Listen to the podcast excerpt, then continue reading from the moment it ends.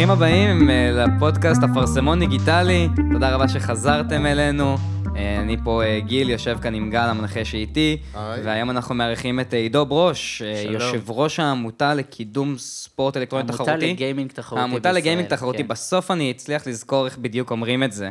אה, אז לפני שככה אה, נדבר אה, עם עידו ושקצת נציג את עצמנו, אה, אני ממש רוצה גם להזכיר... הוא יציג את עצמו. הוא יציג את עצמו. אה, כמובן שנזכיר שדיברנו אה, לפני אה, בערך אה, שבועיים או שלושה עם אה, סער כהן, אה, גיימר מקצועי, ויצא לי ולגל ככה הרבה לדבר אחר כך על כאילו, פשוט למה לא היינו בעצם ספורטאים אה, תחרותיים ואי ספורטס. נכון שזה פשוט היה פחות המשחקים ששיחקנו באותן תקופות, אבל היינו יכולים לעשות את המעבר הזה, לא? לי, לי זה פשוט מרגיש, אה, גם דיברנו על זה כשהיינו בדרך לכאן היום, אה, זה פשוט מרגיש לי שזה כאילו התפספס לנו בשנה, שנתיים, שלוש האלה, כי כשאני מסתכל על הטווח גילאים ביני לבין החבר'ה שממש היום נמצאים אה, בחוד החנית של, ה, של הסצנה הזאת בארץ, הפער גילאים הוא באמת עניין של שנה, שנתיים, שלוש, כאילו הזמן שאני הייתי, בדיוק התגייסתי, אז כל הבלגן מסביב לזה התחיל בארץ, ואנשים ממש התחילו לפרוץ קדימה. וכאילו, יש מצב שזה מאוד מתקשר לנושא של 2012, שג'סטין, 2011 זה היה שג'סטין TV הפכו לטוויץ'. האמת שאני בדיוק ממש, בדיוק זה- עכשיו קפצתי על זה בדיוק לראש. זה, 2011 זה השנה שבה אני התגייסתי. 2012 זה מתי שאני אתה, התגייסתי. אתה מבין, אז כאילו, זה מה שאני אומר, שזה בדיוק השנתיים שאם בהן עוד הייתי בתיכון והיה לי את הזמן להתעסק בזה, ועדיין הייתי כאילו מעורב בסצנה, בשיא הכוח בזמן הזה, יכול להיות שהיום אני הייתי במקום אחר לחלוטין, מבחינת ברור. כאילו, איפה שאני אה, עומד מול העולם הזה. כי היום אני, אתה יודע, אני גיימר לכל דבר, אבל חובבן לחלוטין. נהנה מזה, עושה את למרות זה כל בתוכנית. השעות שאתה משקיע על חד זה. משמעית, לא, אני משקיע כאילו, בזה אתה שעות. משקיע ברמות של לפ- מקצוען בסופו של כן, יום. האמת שכן, זה מצחיק, כאילו, ואני לא מרוויח מזה שקל. כן, אבל אה, אתה יודע, בשביל זה בדיוק אה, נראה לי יש פה אנשים שעובדים אה, מאוד חזק על הנושא הזה, ונשמח אם אה, עידו, תציג את עצמך קצת, אה, את הפעילות של העמותה. קודם כל, מי אתה? מה אתה? אה, מה אתה? מה אני? אה, קרטון. על פי פרסומים זרים אני רפטיליאן שבא להשתלט על העולם, אבל בינתיים הזהות שלי היא של אה, עידו ברוש, בחור ישראלי, אה, שכרגע אה, מכהן כיושב ראש העמותה לגיימינג תחרותי בישראל. אתה רואה, אפשר לזכור את השם. איזה, אפשר איזה, איזה את שם. מפוצץ זה גם, זה נשמע שם כזה. מדהים. כאילו, תשמע, תשמע, אם אתה רוצה לנתח את השם בפודקאסט, אין לי בעיה, אבל אה, אפשר לדבר על דברים יותר מעניינים. זה מזכיר לי את Fun with Flags של שלדון, רק על Fun with Names. אז, אז אני כן רוצה לציין ראשית, בראש ובראשונה, שאפרסמון דיגיטלי זה אחלה שם לפודקאסט. תודה אנשים- רבה. אנשים לא מספיק מעריכים. אני פשוט אוהב אפרסמון. כן, אה, זה ה... זה, זה הרבה יותר פשוט, אין כאן כן. כאילו שום... הפרי הכי טוב זה תפוח, אבל. בסדר. אה, אז קצת על אה, מה שאנחנו עושים בעמותה לגיימינג תחרותי, אנחנו ארגון שקם בשנת 2010, אנחנו ארגון מאוד ותיק אה, בתחום הגיימינג הישראלי, הארגון הוקם על ידי אה, אנשים שהם אה, היו אה, אה, מאוד מאוד בולטים ב- בענף הזה, בתעשייה, בשנים המוקדמות של, אה, של המילניום, אם זה 2000 ו... 2002, 2004, 2006, אה, וב-2010 הוקמה העמותה. אני נכנסתי לעמותה ב-2013, ומשנת 2014 אני מכהן כיושב ראש העמותה. אה, והמטרה שלנו היא אה, כמה דברים, אה, יש לנו המון מטרות, אבל המטרה המרכזית כרגע היא לקדם את הענף הזה למעמד של ענף ספורט רשמי ומוכר במדינת ישראל, על ידי רשויות הספורט המוסמכות במדינת ישראל. כמו כל אה, מאה ומשהו, לדעתי אפילו יותר, של אה, ענפי הספורט האחרים שמוכרים במדינת ישראל, את רובם אה, הציבור אפילו לא מכיר, ופה יש ענף שדווקא הציבור כן מכיר. קריקט. אה, לא, עזוב אותך. הציבור מכיר והוא גם הולך להכיר את זה ככל שהזמן עובר. דיברנו על זה היום בבוקר, שהיום הכתבה השלישית מ- בעצם בסדר העדיפויות של ynet נגיד, היה המשחקים הכי טובים שיצאו ב-2018. דיברנו שבוע שעבר על המגזין של ערוץ הספורט, כאילו אני מרגיש שכל יום שעובר, הדבר הזה נהיה יותר פופולרי, כמובן שאני מדבר פה על אה, תקשורת המיינסטרים, זאת אומרת, בנון traditional media, gaming זה ככל הנראה בין הדברים היותר מפוצצים שיש, והיוטיוברים, היוטיובר הכי מפורסם, הכי הרבה subscribers, התחיל במשחקי מחשב. וזה חשוב אה, כאילו שאנחנו, לזכור שאנחנו מדברים כרגע ב- ב- בסצנה בישראל. בישראל, זאת כמובן. אומרת, אה, זה נהיה ממש נכנס ל mainstream media בישראל ב- בתקופה האחרונה, וזה הולך ומתעצם. אפשר כבר, כאילו באמת, כל יום כתבה חדשה על פורטנייט, זה זה נהיה כאילו מים, שאנחנו צוחקים על פורטנייט פה- פה פה בכל פרק, זה איכשהו הנושא הזה עולה. ו- ויצאו, יצא ב- בימים האחרונים הכתבה על ילד בן 14 14. שאושפז בגלל המשחק. אה, איזה אה, כתבה. קראת את הכתבה? אה, אני חייב להודות שלא קראתי את הכתבה, אבל אני כן אה, שמעתי על המקרה ממכרים. אה, רק לפני זה אני כן אתייחס, אני אציין שבאמת הנושא של ההתייחסות של תקשורת המיינסטרים לענף הזה זה חלק, אה, זה תוצר של מאמצים מאוד מאוד כבירים שלנו בשנים האחרונות, במיוחד בתחום של יחסי ציבור ודוברות. לפעילויות של העמותה, כי בסוף מה שמשך אותם לבוא ולהתחיל להתעסק בגיימינג זה להבין, אוקיי, יש פה משהו שהוא לא רק תופעה עולמית, אלא משהו שישראלים מאוד מצטיינים בו, בעיקר דרך העולם הזה שנדבר עליו בהמשך, של נבחרת ישראל, שאנחנו מוצאים אחת לשנה. אה, בעצם הצלחנו להביא גם את ערוץ הספורט לדבר הזה, גם את ynet ששלחו נציג לטוס איתנו לאליפות העולם האחרונה. אה, כסף לא היה פקטור? כסף הוא תמיד פקטור. אני מניח שזה אה, בגלל זה אני אומר, כאילו, לא- ציינת את זה, ואני אומר לכל לעצמי, רגע. אבל בסוף חלק מהעבודה שלנו, אה, גם אם אנחנו עמותה למטרות רווח, חלק מהעבודה שלנו זה לעסוק לא, בגיוס- לא מטרות אני לא... בגיוס של משאבים, ללא מטרות רווח, זאת כן, לא הייתה הכוונה שלי. זאת לא הייתה הכוונה שלי, כש- כשאמרתי כסף התכוונתי באופן כללי, זה שזה נכנס אה, לחזית של התקשורת בארץ, וזה שתופס באמת המון תאוצה ופופולריות בארץ, הכוונה שלי הייתה שכאילו חלק מזה זה גם רווחיות למדינה בצורה כזו או אחרת, לא דיברתי על תראה, העמותה ורווחים של העמותה. המדינה היא, היא גוף אה, מאוד מסורבל ומאוד אה, בירוקרטי, וכולה, ידוע. וזה זה דבר שהוא ידוע, ואנחנו עובדים עם מה מחדש פה. שיש. אה, אה, אני דווקא חושב שיש גם צדדים חיוביים לדרך שבה המדינה פועלת. אה, אה, אבל אני כן אגיד לך שברמת התקשורת יש להם אינטרס מאוד גדול לקדם את זה, כי מבחינתם זה לח- לח- לחשוף את עצמם לקהל יעד מאוד מאוד גדול של קוראים שקצת התחיל לאבד עניין בתקשורת המסורתית, אם זה טלוויזיה ואם זה כן. אה, עיתונות כתובה, אה, לטובת אה, הסושיאל מדיה. אה, ושם בעצם מנסים להיכנס, והם עושים את זה בהצלחה לדעתי, אה, אה, ש, שגם היא לא מבוטלת, חלקם אה, עושים את זה, אתה יודע, בצורה מאוד שטחית, אבל חלקם כן עושים אה, גם אה, תחקירים לפני שהם כותבים כתבות, ובאמת הם מוצאים כתבות מאוד מעניינות. אה, למשל, כתבה שיצאה בדה-מרקר שנה שעברה, על נבחרת של לנובו ישראל, אה, כתבות קראתי שיצאו אותה. השנה בוויינט של נבחרת פלייטיקה ישראל, שהייתה בחסות אסוס. ו- גם דה מרקר הוציאו הייתה מאוד- כתבה על זה דיברתי על דה-מרקר לא? ש- כן, בשנה הם עשו. שנה שעברה, השנה הם גם עשו? אני חושב ששנה שעברה היה תחקיר מאוד מאוד גדול, והייתה כתבה מאוד מעניינת. השנה הם גם הוציאו כמה כתבות, לדעתי היו הרבה אאוטלטים שהוציאו כתבות, אם זה דה מרקר, אם זה הארץ, אם זה ישראל היום, אם זה ידיעות, ynet, מאקו, אתה יודע, כולם נמצאים במקום הזה. אה, אבל התקשורת נחשפת לזה רק לאחרונה. א', תראה, הפורטנייט הוא תופעה שקשה להתעלם ממנה. חריגה. אה, מאוד חריגה גם, אה, גם בענף הזה, ואני נמצא המון שנים מספיק בשביל לדעת ולראות ש, שמדובר פה במשהו שהוא חריג, ולא בהכרח משהו שיישאר חריג לאורך זמן. כלומר, המשחק יכול להיות שהטרנד אה, עד יחלוף. הדבר הבא, מה שנקרא. יכול להיות שגם, אתה יודע, כמו משחקים קודמים אה, שהיו מאוד פופולריים, כמו World of Warcraft ו-League of Legends, יכול להיות שהוא כאן כדי להישאר תקופה, אבל אני בטוח שגם אם הוא יישאר תקופה, היחס שלו והיחס של השחקנים אליו ושל התקשורת אליו ישתנה ו- ויתאזן, כי כרגע הוא לא כל כך מאוזן. חד משמעית לא. אה, לגבי הפרסום הזה על הילד לרעה ש-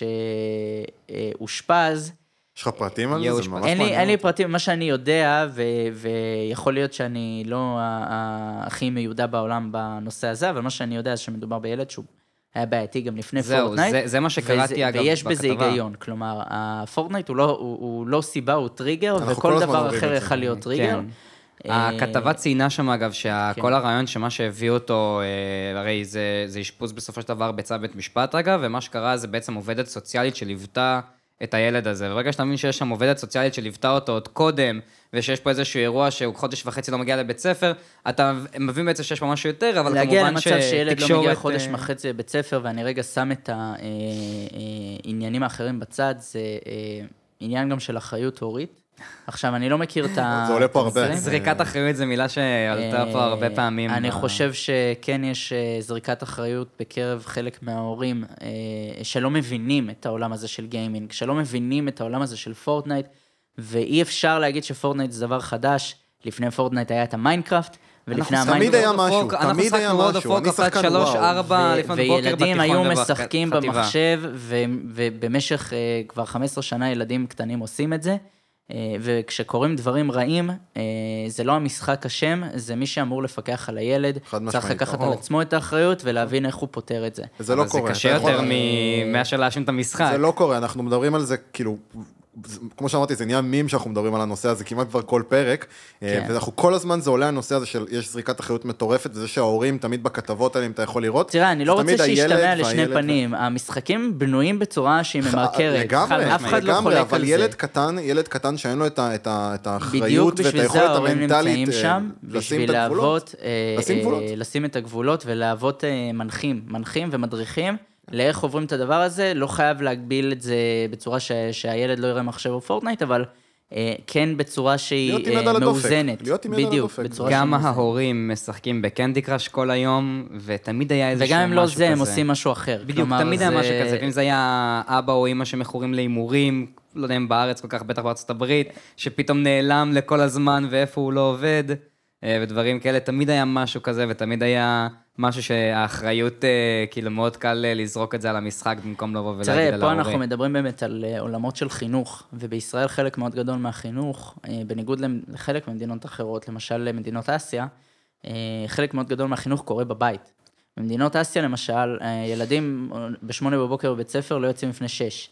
כן, זה. שיש להם אחר כך עוד כן, אפטר יש סקול. כן, יש להם הרבה מועדונים וכל ב- המסגרות, באסיה. נכון. וכל המסגרות הם בעצם סביב הבית ספר וסביב המערכת החינוכית, וככה אנחנו גם רואים ילדים שאומנם מצד אחד יוצאים פחות יצירתיים, זאת הביקורת, אבל מצד שני הם יוצאים הרבה יותר מחונכים והרבה יותר אה, אה, בעלי ערכים הרבה יותר טובים בכל מה שקשור לאהבת הזולת או כבוד כלפי הזולת.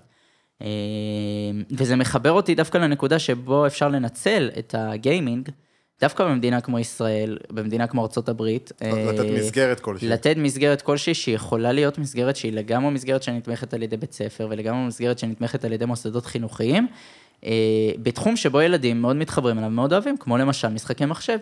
אה, זה מחבר אותי ל- ל- ליוזמה שאנחנו מריצים השנה, בשנת 2019, שזה ליגת בתי הספר הראשונה אה, אה, שהולכת לצאת לדרך במרץ. איפה הייתם כשאני הייתי בתיכון? אה, ליגת בתי הספר ממש. התיכוניים כמובן. אה, זה הולך לצאת לדרך במרץ, אני עדיין לא יכול לחשוף את כל הערים שהשתתפו, זה יהיה בחלק מאוד מצומצם של ערים, כי זאת ליגה שנה ראשונה, אבל ב-2020 זה כבר יתרחב ל- לעוד ערים. אה, ושם אנחנו באמת יכולים לראות שגם מבחינת הבתי ספר וגם מבחינת אה, הרשויות המקומיות, יש תמיכה. יש עניין, הם רוצים לבוא ולהגיד, אוקיי, איך אני לוקח את הדבר הזה שנקרא פורטנייט, שנקרא League of Legends, שנקרא Counter Strike, שנקרא פיפא, ומכניס אותו לתוך מסגרת שבה אני יכול להשתמש בו כדי להנחיל את הערכים שאני רוצה להנחיל בקרב ילדים או בקרב נוער. הם בכל מקרה משחקים ב LAN, ב Counter Strike, בכיתות מחשבים, מה בדיוק, מדובר שכולנו במשהו עשינו שהם פה כבר בבית ספר. עושים, זאת אומרת, משהו, מדובר בפעילות שכבר קיימת אצל הילדים, לא צריך לשכנע אותם לעשות את זה. ממש לא. הם כבר עושים את זה, להפך, יהיה יותר קל להביא אותם בצורה הזאת, לעשות משהו שהוא במסגרת חינוכית, בית ספרית, שבה אפשר גם לשלוט ואפשר גם... אתה יכול ללמד אותם מה זה אה, לשבת על התחת ולהבין מה זה להתאמן ולהתרכז, אתה יכול אה, ללמד אותם אה, שיתוף אה, פעולה אתה בעבודת יודע, צוות, גם ספורטיביות, השקעה. ספורטיב- ספורטיביות באופן כללי מנחיל הרבה מאוד ערכים של... אה, ברור. אה, אין אתה יודע, ספק, ופה בארץ, אגב, יש אה, לך המון ליגות בתי ספר שקורות בהמון ענפי ספורט. אה, הפופולרית בהם לדעתי היא ליגת הכדורסל, אה, כן, נכון. בבתי ספר. אבל יש המון, יש טניס אה, ויש כדורעף ויש המון. הבית ספר שלמדנו פה נראה לי דווקא עושה דברים יפים, אם אני לא טועה, בנבחרת כדורסל של רחובות, כן, כאילו של. אה, של דשליט, סתם... אם, אה, אם כבר אה, דיברנו באמת, אנחנו נוגעים בכל הנושא הזה של צעירים אה, ובתי ספר אה, וחינוך ביחס אה, לגיימינג ונכנסים לזה בארץ, והזכרת ככה גם את אסיה ואת החינוך שמה. אה, אני יודע שבקוריאה למשל, שגם שם יש אה, גיוס אה, חובה, אה, יש, יש סוג של, הולכים לכיוון של תוכנית כזאת ל... ל- לצעירים שבאים להתגייס, שהם באמת כמו סוג של ספורטאי מצטיין, רק בגיימינג. ובארץ זה משהו שעדיין לא קיים, כי גיימינג בעצם וספורט אלקטרוני לא מוגדר על ידי המדינה כ- כספורט אה, רשמי. אה, ובאמת הייתי רוצה לשמוע, שמח לשמוע, מה, מה התהליכים של זה, מה קורה בתחום הזה, מה, מה אתם עושים באמת כדי לקדם את זה, מה קרה עד עכשיו, מה הולך לקרות. אה, תראה, קודם כל ניתן קצת רקע על מה שקורה בקוריאה ברמה האובייקטיבית. אה, בקוריאה יש צבא אה, גיוס חובה, אה, כמו במדינת ישראל, שלוש שנים לבנים, שנתיים לבנות. אה, אבל קוריאה הכירה בענף הגיימינג כענף ספורט מוכר ורשמי, שנתמך על ידי המדינה בשנת 2000, והממשלה שם... גם בשנת 2000 היא הכירה בזה? בשנת 2000, כלומר לפני וואו. 18 שנה. איזה, מת- כאילו... אה, 19 שנה תכף. זהו. אה, היו הראשונים לעשות את זה, והם למעשה... יש עוד מדינות, אגב, שמכירות כגיימינג יש 30 כענף? מדינות ברחבי העולם שמכירות גיימינג כענף ספורט מקצועי רשמי ונתמך. אה, בכל מדינה, תראה, אה, רוב האוכלוסייה לא בקיאה בניואנסים של הכרה ומה זה בעצם ברור. אומר להיות ענף ספורט, מה זה בעצם אומר. חלק מהמדינות, למשל במדינת ישראל, זה אומר לקבל תקציב מהמדינה ושהמדינה תנהל את הענף דרך התאחדות מסוימת. חלק אחר אה, של מדינות זה שהוועד האולימפי, שהוא המקומי, הוא נחשב האוטוריטה בתחום הזה, והם מכירים בזה. פה יש גם וגם, אבל המדינה היא זו שתומכת ו- וזו שבעצם אה, מקדמת את הספורט ב- ב- בישראל. אה, בקוריאה מה שקורה זה שספורטאי שהוא מוכר על ידי קספה, שזה ה-Korean e-sports Association, ההתאחדות הלאומית שלהם לספורט אלקטרוני, אה, הוא בעצם מקבל ספורטאי פעיל, ובמידה והוא איזשהו סופרסטאר שגם מצליח בעולם, הוא מקבל ספורטאי מצטיין, שזה אומר פטור משירות. פה בארץ יש בדיוק את אותו דבר, אבל זה עדיין לא תקף לספורט אלקטרוני. אה, מה שקורה בארץ, צריך להבין, א', ברמה הטכנית, איך זה קורה, ואז צריך גם להבין למה כדאי שזה יקרה, כלומר, מה היתרונות. ברמה הטכנית, אה, הצבא, כמו כל גוף אחר במדינת ישראל, בשביל להכיר בזה כענף ספורט, אומר, יש אה, גוף שהוא אחראי על הדבר הזה, קוראים לו מינהל הספורט, שזה יחידה בתוך משרד הספורט. בעצם המדינה צריכה להחליט את זה. אה, המדינה, אבל תבין שהמדינה היא מורכבת מהמון המון גופים שונים. והמון רשויות. ברור. וכשרשות באה ואומרת, אני רוצה להגיד דבר." האם זה ענף ספורט או לא ענף ספורט, אז זה לא תפקידי, התפקיד שייך למינהל הספורט, ומינהל הספורט אה, יש לו נהלים ברורים למה זה ענף ספורט ומה זה לא ענף ספורט, הוא גם היחידה שאחראית לתקצב את ה- את ההתאחדויות השונות. היום העמותה, אחרי כמעט תשע שנים של פעילות, אנחנו נמצאים באמת במצב שאנחנו אה, כבר עומדים ב-99% מה, מהכללים ומהתקנות של הנוהל להכרה בענפים. הענף עצמו, כשלעצמו כענף, אם שנייה נשים את ההתאחדות בצד, כן. הוא בטוח עומד בזה. זאת אומרת, אם אנחנו רואים ענפי ספורט כמו שחמט לצורך העניין וברידג', שזה ענפי ספורט שהם בנויים על המנטליות, או לצורך העניין טיסנאות, שזה ענף ספורט שהוא גם בנוי על מנטליות וגם בנוי על כושר פיזי מסוים, מאוד מאוד דומה לענף הספורט האלקטרוני, כאשר הפידבק שהוא מקבל הוא לא ממסך, אבל עדיין זה מאוד מאוד דומה, אז בטח ובטח שהענף הספורט האלקטרוני עומד בקריטריונים האלה של מה זה ענף ספורט. מה האחוז האחד הזה בעצם שחסר לנו? אנחנו נמצאים היום במצב שבו, אה, תראה, מדינת ישראל היא מדינה בירוקרטית. מה, מה זה אומר? זה אומר שפשוט יש הרבה ניירת לעשות, ויש הרבה ניירת. להכין. כמו שכולם אוהבים. כמו שאתה יודע, הדבר אה, האהוב עליי בעצם, לעשות ניירת. והרבה מאוד מהניירת דורשת אה, גם איזשהו ליווי משפטי ודורשת ליווי של רואי חשבון, כלומר, מה שבעצם באים להגיד פה, שזה עולה כסף. והעמותה ללא מטרות רווח, אה, אה, חלק מהתפקיד שלנו זה לגייס משאבים כדי לממן את הדברים האלה. אם אני לא אה, טועה, אתם לא מקבלים תרומות בכלל. אנחנו לא מקבלים אתם תרומות ואנחנו לא נכון. אה, משלמים שכר. כלומר, העמותה היא, זאת כל כסף. שנכנס אליה, זה קודש לקידום הענף. אה, ובעצם, מה שקורה עכשיו במשרד הספורט, אנחנו הגשנו בקשה בתחילת, לדעתי במרץ או במאי, להכרה בענף כענף ספורט. קיבלנו את הבקשה שהיא בגדול בסדר, חסר בה כל מיני דברים מסוימים, שזה בעיקר נושא של ניירת, נושא של תיעודים וכן הלאה, של מי השחקנים, ובעיקר, בעיקר, בעיקר העולמות האלה של מי השחקנים, אתם איך הולכים אנחנו לעשות אה, מוודאים. כרטיס אה, שחקן לכל יש כרטיס שחקן, הוא יש קיים. כרטיס שחקן. כל שחקן מקבל כרטיס שחקן וירטואלי, יש היום יותר אני צריך בעצם מ-140 בשביל שחקנים? שרשומים בעמותה. אם אני עכשיו שחקן שרוצה להירשם. ההרשמה, כן? ההרשמה עולה 25 שקלים לשנה, שזה לא סכום גבוה, המטרה פה היא רק אה, סוג של... אה, דמי רצינות? אתה יודע, דמי רצינות ומימון הכרטיס שחקן, אבל בגדול אה, זה מאפשר להשתתף בכל הטורנירים המקצועיים של העמותה, כאשר הטורנירים החובבניים של העמותה, שזה טורנירים שמתקיימים על ידי אה, אה, מארגנים פרטיים שהעמותה באה ותומכת בהם, הם בעצם, אתה אפילו לא חייב שיהיה לך כרטיס שחקן בשביל להשתתף זה בהם. הגיוני, זה כמו גוף אה, פרטי שרוצה לעשות תחרות, לא חייב. נכון, אבל אנחנו גם רוצים לבוא ולהגיד, אוקיי, יש פה ענף שהוא כרגע, הדרייב שלו מגיע ממארגנים פרטיים. אה, וזה נכון שהעמותה עושה את אליפות ישראל ואת הטורנירים הגדולים, אבל עדיין, רוב השחקנים בארץ, עדיין אין לך את ההתמקצעות, אין לך עדיין מועדונים. אה, יש מעט מעט מאוד אה, גופים שצצים פה ושם, אבל עדיין הם לא הראו את היכולת שלהם ואת הרצינות שלהם. אה, ולכן המטרה שלנו היא גם לבוא ולהכיר בתחרויות שהן מאורגנות אה, על ידי מארגנים פרטיים, שלהם זה טוב כי הם מקבלים מאיתנו איזשהו פרסום וגם איזושהי תמיכה של מעטפת, בין אם זה רגולציה, בין אם זה חוקים. אם זה טורנירים יותר גדולים, אז גם מדובר בשופטים שעברו הסמכה אצלנו, שאנחנו שולחים אה, לשפוט בטורנירים האלה, וכן הלאה. ומצד שני, בשביל השחקן זה עוזר לו, כי הוא יודע שמדובר בטורניר ש... שהוא מוכר על ידי העמותה, וזה טורניר שהוא מוגן, כלומר, יש שם רגולציה, והתקנות הן בסדר, והחוקים הם בעדו, והוא יכול גם לערער. אה, יש לנו בית דין עליון לעמותה, שצריך לערער אה, על דברים, ואחראי משמעת, כלומר, הדברים האלה דברים מאוד מסודרים שיש אצלנו כבר בעמותה. נתת לי תשובה ממש ממש ארוכה, כן, אני פשוט כאילו, אני אומר, שאלתי אותה לגבי אחוז אחד, וזה התפתח ככה מבירוקרטיה. מסתבר שאחוז אחד זה המון. זה המון, כן.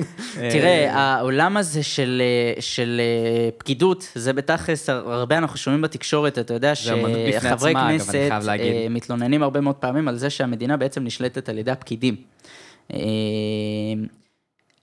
אני לא, אני לא מצדד בצד כזה או אחר, אבל אני יכול להבין מאיפה זה בא. כלומר, המדינה היא כן מאוד בירוקרטית, יש לזה המון צדדים חיוביים, היא גם זה, מאוד מסודרת. זה נשמע לי כאילו זה הדרך היחידה שאתה כגוף תוכל בעצם להגיד את כל מה שאמרת עכשיו ושזה יהיה בסדר, זאת אומרת, כן, כי בסוף, בסוף התהליך הזה גם הופך את הענף לענף יותר מקצועי זהו, ומסודר. זהו, זה בדיוק הדבר הזה, אתה, אתה עושה פה שופטים, אתה עושה פה, אם אני לא טועה, גם אתם עושים קורס שדרנים. אז זה דבר שיחל ב-2019 עם פתיחתה של אקדמיית הספורט האלקטרוני העולמית, שישראל משתתפת בה, כן. אנחנו נדבר על זה ממש תכף, האמת, כי יש לי ממש שאלה לגבי, דיברת המון על השחקנים והזכרת שם את נושא של, גם בהתחלה, רמת השחקנים בארץ, שאמרת שיש שם איזושהי חשיפה מאוד גדולה בעולם, ושה... תקשורת מאוד התעניינה בהם. כי הרמה בארץ גבוהה. כן. האם הרמה בארץ של השחקנים, אה, כשחקנים גבוהה ביחס לעולם? ואני גם רוצה לשאול, האם, ה... לא יודע כמה אתה בעצם אה, מלווים גם קבוצות, וכל הנושא הזה של אה, אימון ודבר לוגיסטי, איפה אנחנו בעצם ביחס אה, לעולם, או אפילו, אם אנחנו ביחס לעולם במקום טוב, אז בוא נשאל, או שאנחנו כן במקום טוב וזה מגניב ממש, אבל האם יש, אתה רואה איזשהו קידום בנושא הזה? האם אתה רואה משהו שהשתנה פתאום בשנים האחרונות, אה, משהו שמשתנה אפילו עכשיו? אני מניח שפורטנייט גרם לבטח עלייה באנשים שרוצים לשחק אה, דברים באופן מקצועי, אנשי, אנשי עסקים שפתאום אומרים בואנה, יש פה מלא כסף. פורטנייט יצר המון המון חשיפה, אבל כן. הכוונה היא יותר לספורט תחרותי. לא, לספורט תחרותי, לא. שכרגע, למרות שיש פן תחרותי לפורטנייט, לא, לא, כן, אני אבל... מדבר על זה שאנשים, אה, אנשי עסקים, אנשים שרואים את ה... וואי, יש אפיק עושים המון כסף בחודש, יש פה המון כסף בפורטנייט, אולי שווה להיכנס לתחום של גיימינג מקצועי, ואם אתה רואה איזשהו שינוי, ו... תראה, שאלת הרבה שאלות. כן, אני, זה היה. אני אנסה... ההתמקדות האמיתית זה נושא של רמת הקבוצות כן, והשחקנים. אני מבין. תראה, קודם כל, אני, אני רוצה לענות מהסוף. כי, כי יש פה דבר מאוד מעניין שאפשר לדבר עליו, וזה באמת העולם הזה של הרעש, הרעש שנעשה על ידי פורטנייט, שהוא בהמות רציני, הרעש הזה שנעשה על ידי כל עולם הגיימינג בשנים האחרונות, אתה צודק שהוא מושך השקעה, אבל באותה מידה הוא גם זורק השקעה, ואני אסביר. יש לך היום, ראינו את זה, האמת, קורה בארץ. אני רוצה לתת דוגמה מאוד טובה שקרתה בארץ. ב, ב, לפני שנתיים קמה חברת הפקות, לא נגיד את שמה, שהחליטה שהיא, שהם משקיעים ובאמת רצו להשקיע הרבה מאוד כסף, בלבנות איזשהו מותג של אירועי גיימינג בארץ. והתחילו לעשות אירועים, פעם אחת הם עשו את זה בסוכות, פעם אחת הם עשו את זה בפסח, מתי שילדים יכלו לבוא והיה חופשים, חגים, כמובן. וגיימרים יכלו לבוא, הם עשו אירועים. אבל האירועים האלה מעולם לא היו רווחיים, ופעם אחת הם הביאו ספונסרים, והספונסרים אמרו, וואו, איזה יופי, נעשה אירוע מאוד גדול, וזה יהיה מאוד כיף, והרבה אנשים יבואו, ופעם שנייה הם עשו את זה עוד פעם, פעם שלישית הם כבר לא באו יותר. למה? ענף הגיימינג ממשיך לצמוח, ממשיך לצמוח. אנחנו רואים את הצמיחה הזאת כל הזמן. רק השנה 135 מיליארד דולר ברווחים, בהכנסות, סליחה, מתעשיית הגיימינג העולמית. ענף האי-ספורט ממשיך לצמוח, גם ממשיך לצמוח. רק השנה יותר מיליארד דולר בהכנסות מתעשיית האי-ספורט העולמית, רק אי-ספורט, אני אפילו לא מדבר על הימורים, שזה עוד מיליארד דולר תוסיף. אז למה זה נכשל? זה נכשל מפני שהרבה פעמים ההשקעה מגיעה בעקבות Buzzword, ולא יודעים לאן לנתב אותה. כלומר, מנסים לנתב אותה למקומות, בדרך כלל שמהם אותו איש עסקים או אותה חברה מגיעה, כלומר, מהעולמות שלהם, שהעולמות שלהם הם מסורתיים, הם סטנדרטיים, והם לא בהכרח מתכתבים עם עולם הקיימינג, ואז הפרויקט נכשל. זה פשוט מתקשר ואז הפרויקט נכשל, הפרויקט נכשל, איש העסקים או החברה מחליטה בצדק מהצד הסובייקטיבי שלהם, כאילו. ולא בצדק מהצד האובייקטיבי, שזה לא שווה להשקיע בענף הזה, ואז הם בורחים החוצה. זה משהו שגם אני רואה שקורה, למשל, אם אנחנו ניתן את הדוגמה של פורטנייט, משחקים, לא פורטנייט פורטנייט. היום כ esports הוא, הוא, הוא אה, מותג מאוד מאוד חלש. למה הוא מותג חלש? אם אנחנו נסתכל על אחוז הצפיות של League of Legends, הוא כיום ה e-sport הכי חזק בעולם. אה, ביחס לאחוז הצפיות הכללי של שידורי League of Legends, כלומר אנחנו מחלקים את זה לשתיים, שידורים שהם של תחרויות ושידורים שהם לא של תחרויות, אוקיי? אנחנו נראה שיותר מ-50% מהצופים מגיעים לשידורים של התחרויות. אם אנחנו נעשה את אותה השוואה בפורטנייט, אנחנו נראה שבסך הכל 9% מהצופים מגיעים לתחרויות של פורטנייט, והיתר מגיעים לשידורים של פורטנייט. מה זה אומר לנו? רואים את נינג'ה בטוויץ', בוא... מה זה אומר לנו? זה אומר שאם אני חברה שהיום רוצה, חברה מאוד גדולה שרוצה לקחת חסות על קבוצה, למרות שפורטנייט פי שתיים, אולי יותר אפילו פופולרי מ League of Legends, עדיף לי לקחת חסות על League of Legends, כי שם נמצאים הצופים. כלומר, אנחנו עושים את ההבדלה בין המשחק והפופולריות שלו, לבין ה e-sport של המשחק והפופולריות שלו.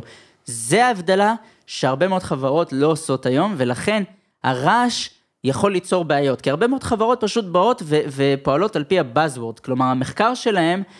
הוא, הוא בדרך כלל נכון, אבל הוא בדרך כלל חוקר את הדברים הלא נכונים. כלומר, אם אני ה- היום כחברה רוצה לבוא אצלו. ולראות איזה משחק הכי פופולרי, אז אני אראה באמת שפורטנייט, וזה נכון, פורטנייט הוא הכי פופולרי, אבל להשקיע ב e-sport שלו זה לא יהיה הדבר הנכון בשבילי לעשות, וזאת מסקנה שגויה.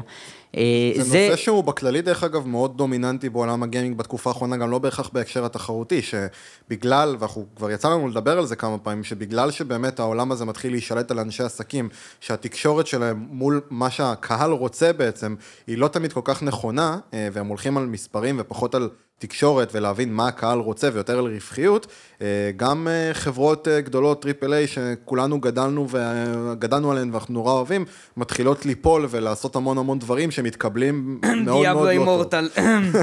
Diablo כן, Immortal, Fallout יש לי, 76. יש לי, יש לי גם עמדה נחרצת בעניין הזה של Blizzard והשטויות שהם עושים, במיוחד בתחום של ה eSports, אבל כן.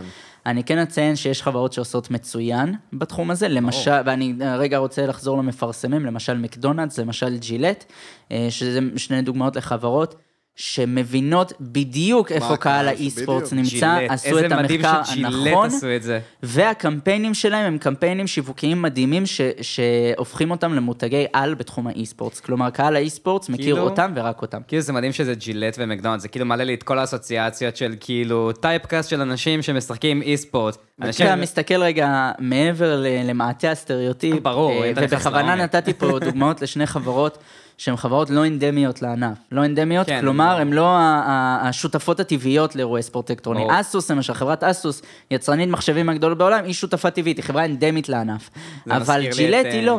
מזכיר לי את מקדונלדס וחסות אולימפיאדת 2008, גם לא נשמע לי כמו ה...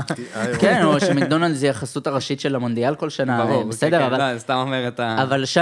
אבל יש פה היגיון בדברים האלה, כי החברה בסוף באה, והמאמץ הוא לא מאמץ של מכירה. גם ג'ילט, היא לא באה לאירוע, אתה לא רואה עמדת מכירות של ג'ילט.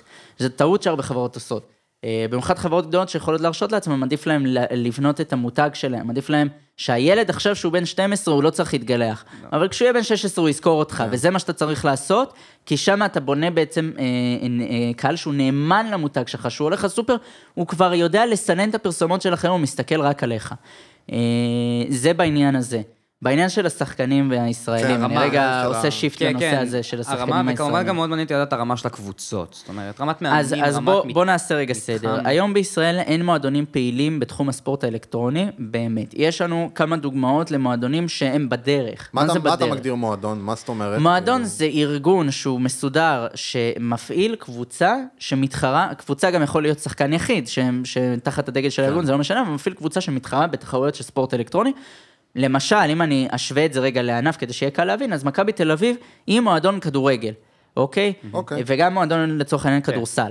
אה, במקרה שלנו, מכבי תל אביב, גם יש לה שחקן אי-ספורט, אה, לא הרבה יודעים, אבל אה, מכבי תל אביב יש שחקן פיפא אה, שהוא אצלם במועדון, שהוא במשכורת והוא משחק, ב- אני לא יודע בכמה טורנירים הוא משחק, אין המון טורנירים של פיפא בארץ כרגע, אה, אבל זה עניין- יהיה. עניין של זמן, ל-NBA כבר זה אמרתי, יהיה, יש זה להם... יהיה. אה, ל-NBA עצמה יש ליגת אה, 2K. אבל גם במכבי תל אביב, אגב, למכבי חיפה גם יש אה, אה, שחקן.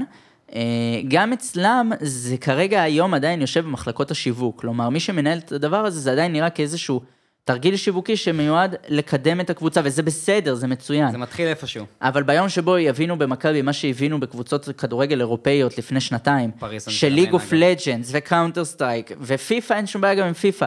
אלו המשחקים שצריך לגייס קבוצה, להביא להם מאמן, להביא להם פסיכולוג, להביא להם תזונאית ולהתחיל להריץ אותם, אתה תראה תוצאות הרבה הרבה יותר טובות, ואתה תראה שהמועדון הזה גם יתחיל לעשות כסף ברמה העסקית. מהקבוצות האלה. אתה מדבר על בארץ, כאילו מה יקרה? אני מדבר בארץ- כרגע על מועדונים ישראלים שהתחרו בחו"ל. כי בארץ זה כבר קיים אגב, כי אין לך עדיין ליגה מסודרת. בישראל, אבל אני כן אגיד דבר כזה. אה, יש לך כמה מועדונים בהתהוות היום, שאני מכיר, אה, יש גם בטח כאלה שאני לא מכיר. היום אתה צריך להתחיל מלבנות את התשתית. אני שומע המון, ויש גם הרבה, אתה יודע, שאנחנו כעמותה, קיימים הרבה מאוד שנים, ולאורך הדרך היינו הרבה, הרבה מאוד חברות קמות ונופלות, שניסו לארגן ליגות, ניסו להריץ תורמים, ניסו להשתלט על הענף, שזה בסך הכל לגיטימי ובסדר. אה, אבל מה שתמיד אמרנו ותמיד ראינו, שזה בסופו של דבר, תמיד שאלו אותנו, גם למה שלא תעשו אירוע כזה גדול, ולמה שלא תעשו ליגה כזאת גדולה. אנחנו יכולים לפקס את המאמצים שלנו בלעשות את זה, אבל בסוף הדברים האלה יקרו בעצמם ברגע שתהיה תשתית. גם המועדונים, אם אני נותן את הדוגמה של מכבי תל אביב ומכבי חיפה, ש... שישדרגו את מה שיש להם כבר עכשיו, ומועדונים אחרים שאין להם כלום ויעשו את זה, ואולי יש שיתוף פעולה עם מנהלת הליגות של כדורגל, ואולי שיתוף פעולה עם אה, איגוד הכדורסל, או, או מנהלת הליגה, ליגת העל בכדורסל, אה, וכן הלאה. אה, אה, או איגוד הטניס, לא משנה, אתה יכול לבנות שיתופי פעולה עם המון המון המון גופים.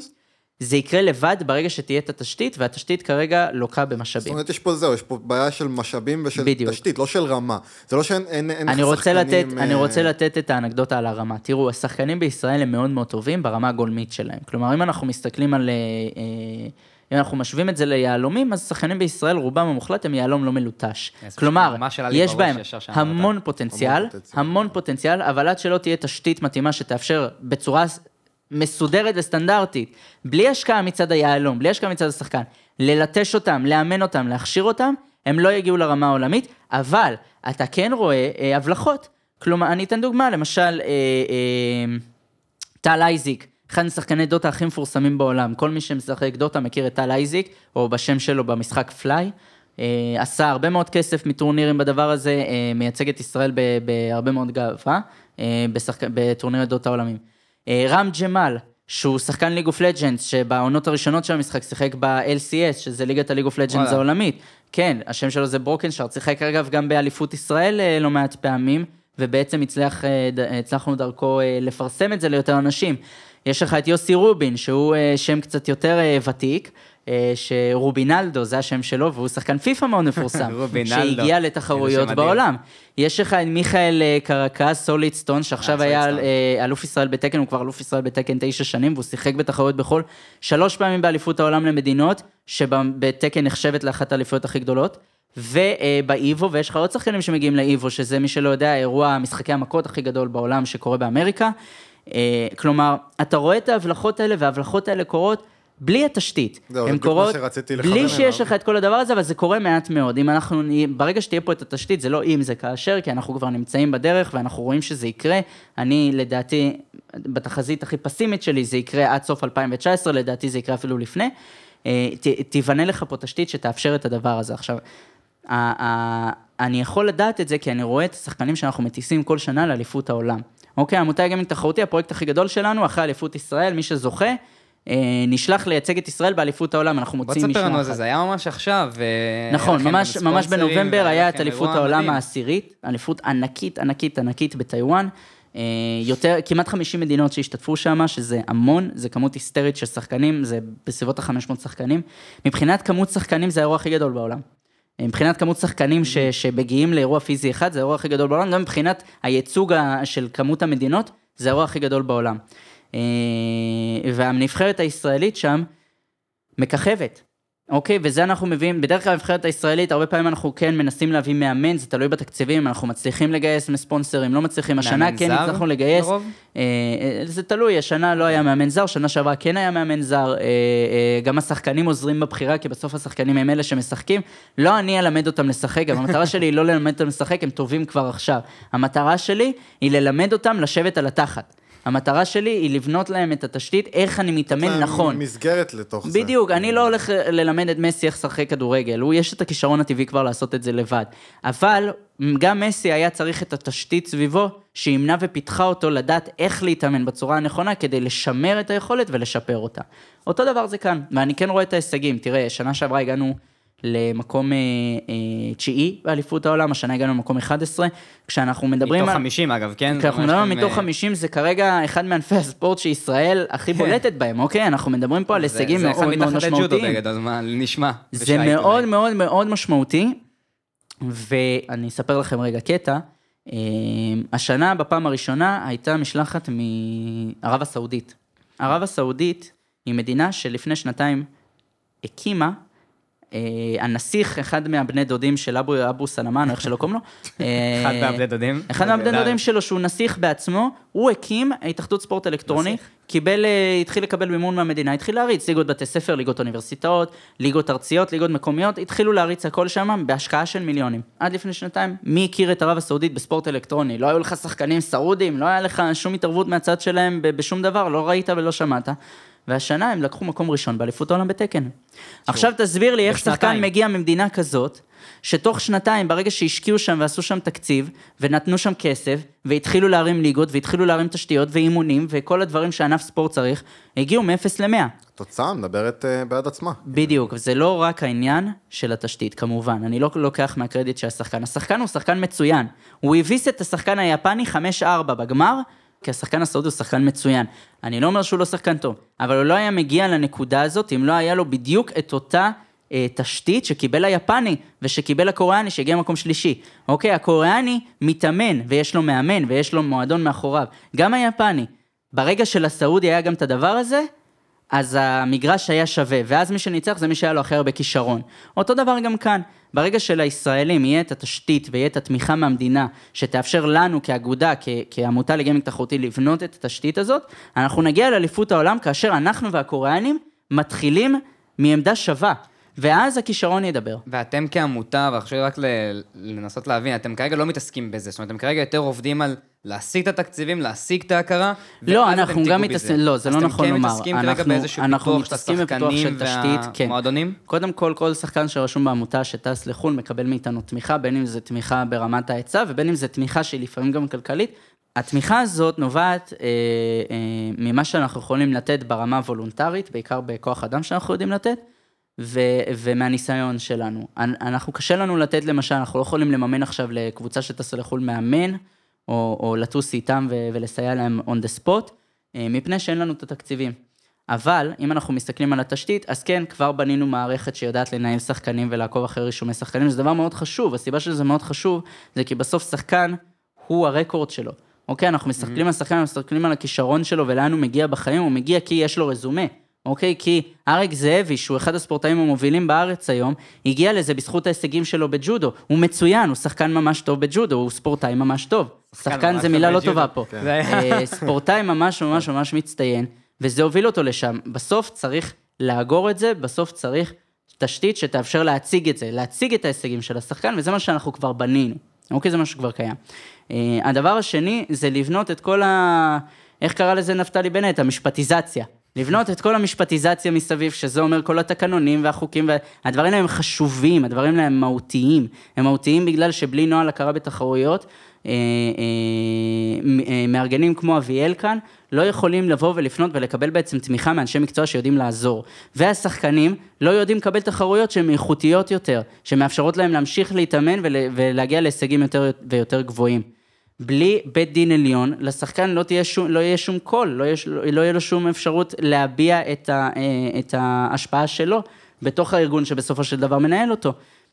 וידה ידה ידה, יש עוד המון, אפשר דרך, דרך אגב באתר שלנו לראות את כל המסמכים ואת כל הדברים שכבר בנינו, וזה הכל כבר קיים. עוד דבר שאנחנו עושים, אתה וזה חלק מהתשתית, זה תן הנושא לעצמך איזה shout-out לאתר, ככה אם אתה... נראה לי הכתובת, שעברנו אותו אפילו. הכתובת פעם אחת. זה iesa.org.il, אבל אפשר כמובן בגוגל למצוא אותנו אה, בקלות רבה. אה, יש גם, אה, מישהו כתב עלינו ויקיפדיה, יכול להיות שגם, אני הוספתי שם גם חלק מה- מהתכנים, למרות שלדעתי צריך לעדכן את הערך. שמישהו ייקח את הכפפה וירים את זה, קדימה, כן, מאזיננו. מעריצי העמותה לגיימינג תחרותי לדורותיהם, יש המון. פה, פה בחוץ יש אה, כמות אה, היסטרית של בנות עומדים עם, אה, שלטים. של העמותה והפרצוף שלי. אה, אז כן, באיזשהו שלב גם נעשה את זה, אבל זה הכל, אתה יודע, נופל, קם ונופל בסופו של דבר על זמן פנוי והיכולת של האנשים שנמצאים כן. בעמותה, בין אם זה אני כיושב ראש ובין אם זה חברי הוועד שלנו, יואב למשל שהיה אצלכם. אה, גיל רונן שעוזר מאוד אה, בעמותה, אה, ועדת הביקורת שלה, וכל חברי העמותה שעוזרים. בסוף זה קם ונופל עליהם ועל האנשים האלה שלוקחים מהזמן הפנוי שלהם ורוצים לראות את זה מצליח. אף אחד מהאנשים האלה הוא לא שחקן מקצועי. יש לנו פשוט אמונה מאוד מאוד גדולה בשחקנים הישראלים. יש לנו אמונה, ואני אגיד לך את האמת, אני מריץ נבחרת ישראל בגיימינג חמש שנים רצוף כבר. טסתי חמש פעמים לאליפות העולם, עם הפסקה קטנה ב-2016, שזה היה באינדונזיה, והיות ולא הייתה לנו תמיכה מהמדינה, אה, לא יכולנו לטוס למדינה שהיא אה, עוינת בלי, לא הרגשנו בנוח או בטוח לטוס למדינה שהיא עוינת בלי איזושהי תמיכה מסוימת, אה, אה, גם ברמת אבל ההיצע, היה תראה. לכם אישור לטוס לשם? בגדול? היה תראה, אישור האישור? האישור, כאילו- האישור לא צריך להגיע מישראל. ישראל לא, יש מדינות אויב. שאסור לך, כן, ל- אינדונזיה היא לא אחת. לא, אסור לך אבל- להיכנס לאינדונזיה עם דרכון ישראלי. שוב, לא מבחינת החוק הישראלי, מבחינת החוק לא, האינדונזי. אז לנו כן השיגו אישור, אבל שם היו כל מיני רסטריקציות שאתם מכירים מענפי ספורט אחרים, אמרו לנו, אתם לא יכולים לבוא עם הדגל, אה. החולצות צריכות להיות לבנות, או עם הלוגו של האיגוד, לא יכולות להיות עם הלוגו של הדגל של המדינה. אה, אם ישראל במקרה תעלה למשחקים מרכזיים בתחרות, אז היא לא, ת, ת, הם לא ישוחקו על הבמה, הם לא ישודרו בשידור ישיר, אנחנו אמרנו בשלב הזה, חברים, שיהיה לכם בהצלחה עם התחרות. איזה כיף זה. פוליטיקה בעצם. אה, אה? כן, זה... אבל אני כן אגיד לך את האמת, שאני הייתי מרגיש יותר בנוח אה, אה, לשלוח לפחות נציג לאספה כללית או להשתתף שם באיזשהו אופן, כי זה בכל זאת אליפות העולם. אם הייתי יכול להתייעץ, או הייתה לי את התמיכה אה, של משרד הספורט, שכבר עבר אה, ומכיר את הדברים האלה מג'ודו ומענפי ספורט עכשיו אחרים. זה עניין של זמן בעצם, לקבל את ההכרה הזאת ובסוף, תראה, אה, אנחנו מהמדינה. נמצאים במצב שבו הענף שלנו, וגם העמותה שלנו, אנחנו איגוד מאוד צעיר. אין לנו ניסיון בדברים האלה, אנחנו ניסיון, אנחנו צוברים אותו כשאנחנו עוברים, ונכון שעברנו הרבה בתשע שנים תוך האחרונות. כדי תהליך. זה- אבל עדיין, אני בטוח שיש לנו מה ללמוד מאיגוד הכדורגל, איגוד הג'ודו ומכבי ו- והוועד האולימפי. אה, וזה בדיוק המקום של מדינת ישראל לבוא ולתמוך, זה בדיוק המקום שלהם לקשר בינינו לבין אנשים שמבינים שיכולים לתת את העצה, בדיוק, לא ברגעים הקלים, ברגעים הקלים כולם מציינים, אבל ברגעים הקשים, שבהם אתה צריך להתלבט אם אתה מטיס נבחרת או לא מטיס נבחרת, אה, דווקא בתקופה שבה הגיימינג הישראלי פורח, ופה זה באמת משהו שיכולנו אה, בהחלט לנצל אותו כמו שצריך. אז זה הדוגמה המוחשית מאוד לאיפה ההבדל בין ענף ספורט שהוא עדיין לא מוכר על ידי המדינה לענף ספורט שהוא מוכר. אנחנו אה, מדברים ככה על, על תחרויות פה ועל, ועל כניסה של ה...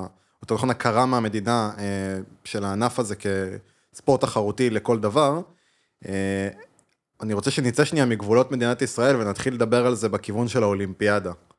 אני יודע שב-2024 האולימפיאדה אה, הבאה, אה, ובאמת ככה יש דיבור על אה, להכניס את כל הענף הזה לתוך... הבא, לא הבא. מה זה? 2020 זה הבא, אם אני לא 2000. טועה, ואז 2024. 2024, אז הבאה הבאה, כן. אה, באמת, אה, להכניס את הענף הזה לתוך אה, האולימפיאדה, אה, זה כענף תחרותי לכל דבר. אה, אני אישית פחות בא מהעולם של ספורט כמו, כמו גיל, ונראה שגם לך קצת אה, יש ידע. למה כלומר מסי? לא, אני לא יודע, אתם מדברים על קבוצות כדורגל וזה, אני, זה פחות מדבר אליי ואני פחות מכיר, אני מכיר בשמות, אבל מבחינת איך דברים עובדים ומה הולך מאחורי הקלעים, אני, אני קצת פחות אה, מעורב בזה. אה, וכן הייתי רוצה לשמוע אם יש לך ידע על זה, או מה, מה בעצם נ, נ, נעשה שם, זה קורה, זה לא קורה, זה לא יקרה, מה מעבר השיקולים. לגבולות ישראל. תראה, כן, אני קצת, נמצא... אה, אתה יודע, לתת conclusion לכמה שה... כמה שהתופעה הזאת הולכת וגודלת, גם בארץ וגם בעולם. הולכת וגדלה. גדלה, כן. אה, אני נמצא ב... תראה, מי שבעצם בסופו של דבר דוחף את זה, לא הרבה יודעים, זאת הפדרציה העולמית לספורט אלקטרוני, גוף בשם ISF, אה, שאנחנו מייצגים בישראל ומייצגים את ישראל, יותר חשוב אפילו בגוף הזה, שזה בעצם הפדרציה העולמית היחידה והמוכרת שמאגדת את כל המדינות בענף הזה. אה, אני נמצא במקומות האלה שבהם מדברים, זה, זה, יש לחץ מאוד גדול מכל מיני כיוונים. אה, חלק, חלקו זה כן לעשות את זה וחלקו לא לעשות את זה. אה, אני לא יכול לדבר על כל מה שאני יודע, אני כן יכול להגיד לכם שיש סיכוי מאוד גדול שזה יקרה כבר ב-2020. וואלה. אה, זה לא בהכרח יקרה, אבל יש סיכוי שזה יקרה, זה מה שאני אומר. אה, הקטע עם הוועד האולימפי, זה דווקא זה יהיה מעניין אם שהוא- כן, זה כן. ביפן אמור להיות ב-2020, לא? בטוקיו? או זוכר. ב-2024? לא, 2024 זה צרפת. אז אני יודע שב-2020 זה בטוקיו, אוקיי. קראתי על זה שיש את זה. ב-2000 ו... זה לא, הפוך לדעתי. בטוח? הפוך. אנחנו נריץ על זה עכשיו? אני יודע שזה או ב-2020 או אנחנו- ב-2024, יש בטוקיו. אם זה יהיה כשזה יהיה בטוקיו, זה יהיה ממש... אה, תראה, העניין הוא כזה, קודם כל, יפן לא כזאת חזקה באי-ספורט. אני לא כבר באי-ספורט, אקדים אני. מדבר על גיימינג באופן כללי, אבל זה יכול להיות נורא מעניין. אה, צר- 2024 זה בצרפת, אני תכף אגיד לכם את 2020. אה, 2020 זה בטוקיו. אז 2020 טוקיו, אה, סגרנו.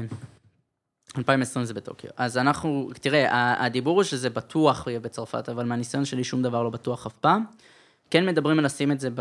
ב אה, בטוקיו, אבל אה, תראו, יש ככה, יש המון המון ניואנסים לדבר הזה. קודם כל, אם אתם לא מכירים קצת איך הוועדים האולימפיים עובדים, אז בגדול הוועד האולימפי הבינלאומי הוא מורכב מחמישה ועדים אולימפיים של כל יבשת, והם בתורה מורכבים מהוועדים האולימפיים הלאומיים שמייצגים כל מדינה. אנחנו למשל, כמובן, אה, בכל מה שקשור לספורט, בדרך כלל נמצאים ב, בארגון האירופאי, אז הוועד האולימפי שלנו הוא בתוך הוועד האולימפי האירופאי, ההתאחדויות ספורט שלנו נמצאות בתוך הקונפדרציות האירופאיות, וכן הלאה. אה,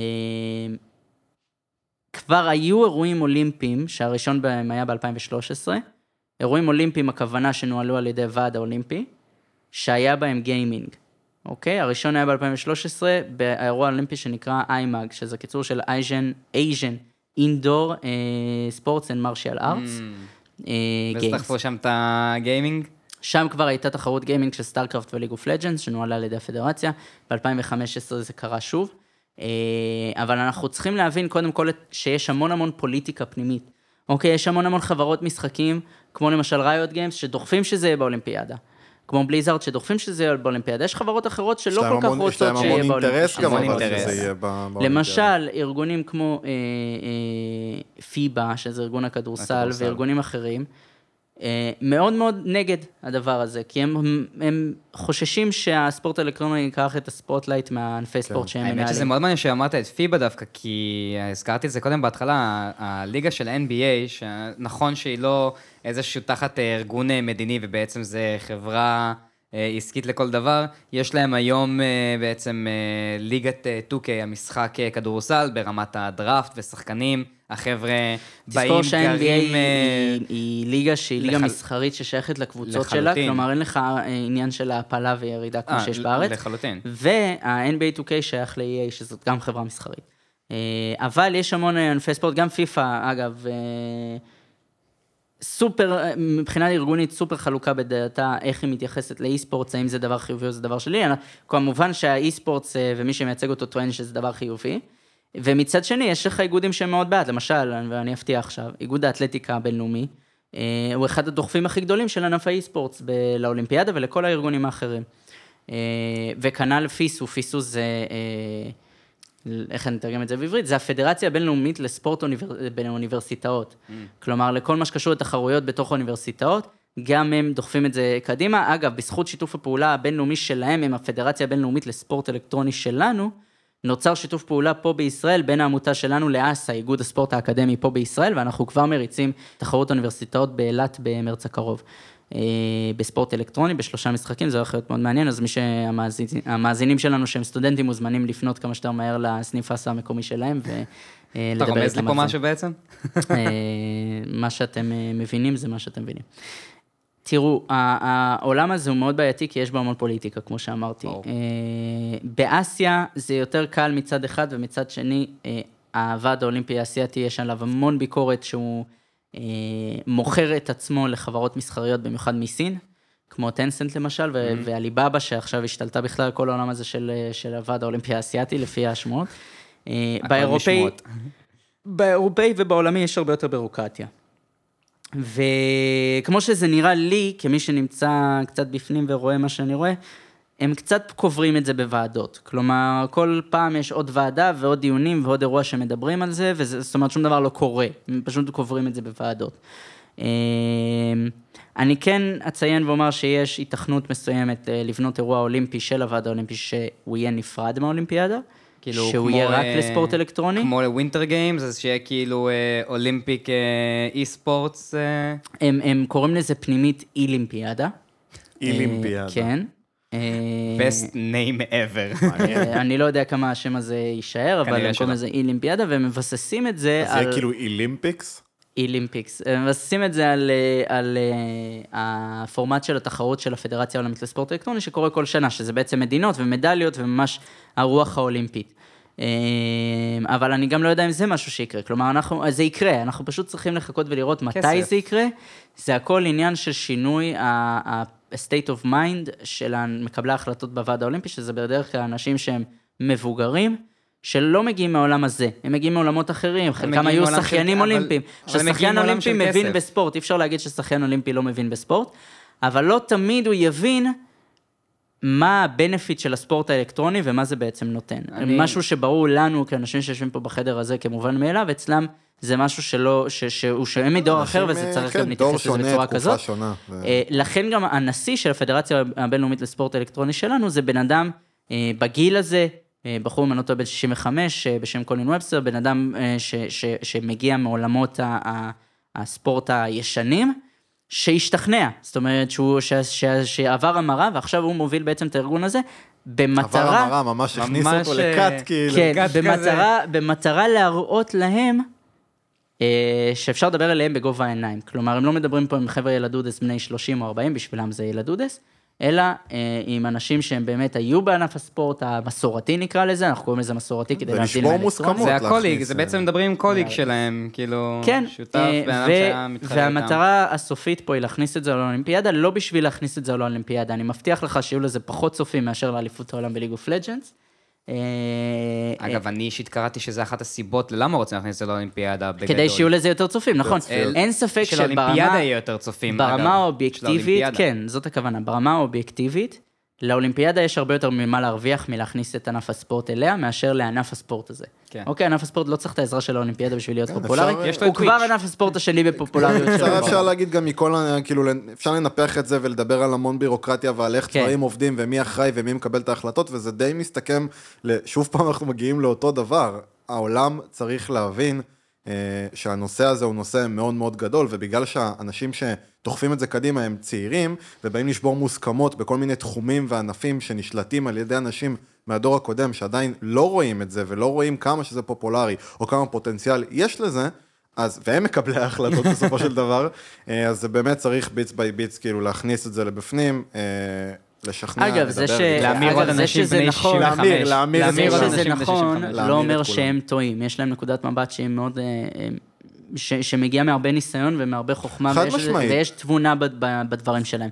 אני כן אומר שאני לא אוהב אה, משפטים כמו העולם צריך להבין. כי העולם לא מבין, העולם לא, לא, לא קורה בו כלום, אלא אם כן אנשים באים ועושים אותו. נכון, נכון. אה, זאת הסיבה שאנחנו עושים את מה שאנחנו עושים פה. ברמה הלאומית, וזאת הסיבה שאנחנו עושים את, הם עושים את מה שהם עושים ברמה הבינלאומית. אגב, אני בקרוב הולך אה, להיות יותר פעיל גם ברמה הבינלאומית, כי אני חושב שגם שם יש הרבה מאוד דיונים והסברים לעשות. אל תבינו וה- נכון, כשאני אומר העולם צריך להבין, הכוונה שלי... לא, אתה צודק ש- בזה שהעולם עקב זה צריך שאנשים להבין. כמוך למשל, או אנשים אחרים שפועלים בתחום, דוחפים את זה קדימה, העולם לא יבין מעצמו. בחורים, אנשים לא צעירים, בחורים, אחד בחורות, בבוקר אנשים צעירים, ויגיד, "אה, כן, הבנתי." בדיוק, לא, צריך, זה לא- זה לא זה יקרה. תהליך, זה. תהליך, ואנחנו כבר רואים שהתהליך החל, נכון? ואי אפשר לעצור אותו. בסדר גמור. אה, אני רוצה להודות לך, עידו, שהיית כאן אה, ממש איתנו תודה. היום. היה מאוד מאוד אה, מעניין. אני הייתי גל, גיל היה איתנו פה, אנחנו היינו אפרסמון לכם. דיגיטלי. תודה רבה לכל המאזינים, ונתראה בפרק הבא.